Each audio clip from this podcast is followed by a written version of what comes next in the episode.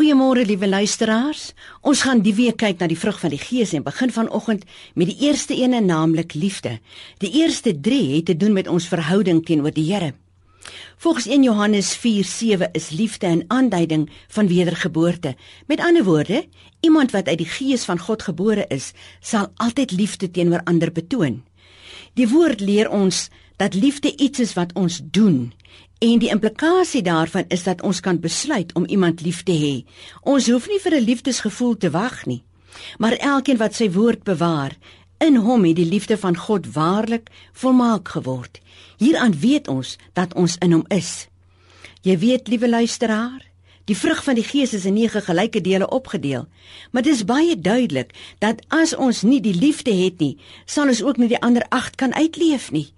Daarom is dit dus geen wonder dat Jesus gesê het: "Die belangrikste bewys van ons disippelskap is nie gereelde kerkbywoning of verander te vertel dat ons gelowiges is of 'n visie op ons motor se buffer te plak nie, maar dat ons mekaar liefhet." Dit is so belangrik vir die Here dat hy vir ons sê in Johannes 13:34: "’n Nuwe gebod gee ek julle, dat julle mekaar moet lief hê, soos ek julle liefgehad het, moet julle mekaar lief hê." Daarom moet ons nie lief hê met woorde of 'n gepraatery nie, maar eerder deur ons optrede. Die waarheid is dat liefde nie afhanklik is van 'n liefdesgevoel nie. O, in die moderne wêreld is die konsep van gevoelens die deurslag gee met betrekking tot liefde dat ons nie beheer daaroor het nie. Liefde is 'n besluit om in die behoeftes van iemand anders te voorsien. Dis nie 'n gevoel van beminning nie. Dis 'n gevoelens is die gevolg van ons optrede. Dis nie die oorsaak nie. Liefde is 'n optrede om in iemand anders se behoeftes te voorsien en dit is presies wat God gedoen het.